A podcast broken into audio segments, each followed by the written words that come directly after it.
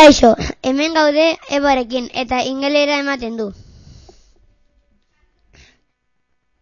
Zein da, zein da inglesa, eh, bea.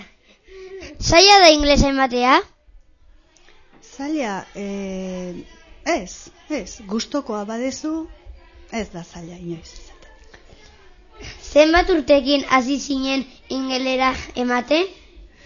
Mm, hasi nintzen orain dela eh, hogei urte edo. Hogei urte inguru. Ze ikasi duzu ingele, ingelera emateko? Em, egin behar izan dituen irakaslea izateko e, magisteritzako ikasketak eta gero ba, beste ikasketa bereziak ingelerako irakaslea izateko eta gero amaika ikastaro Joana zara Inglaterrara? inoiz ez Joana zara e, USA-ara? inoiz ez Zenbat urte daramazu inglesa ematen?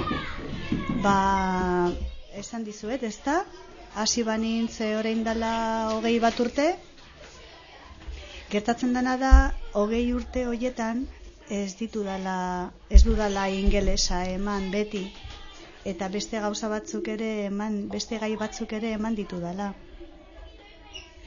Zenbat urte daramazu ingelera ematen? Ah, gogoan alzara ik, ikaslerekin? Gogorra alzara ikasla, ira, ikaslerekin? Ie gogorra nahi zen? Bai.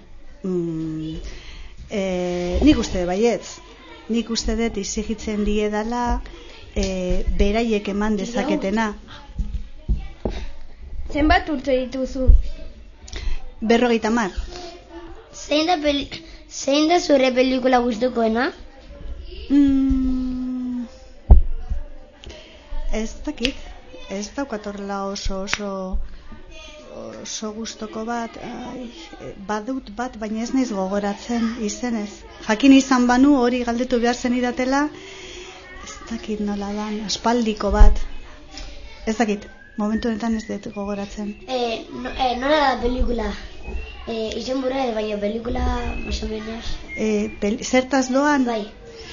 Ba, zea da em, aita bat, alargun den aita bat, aita horrek erabakitzen du e, bere umea beste lagun batzuen eskuetan e, haiek berak baino hobeto zainduko dutela uste duelako. Eta oso gogorra egiten zaio e, erabaki hori, baina pentsatzen du bere alabangan gehiago, berengan baino, eta, bueno, ba, gogorra den erabaki hori hartzen du.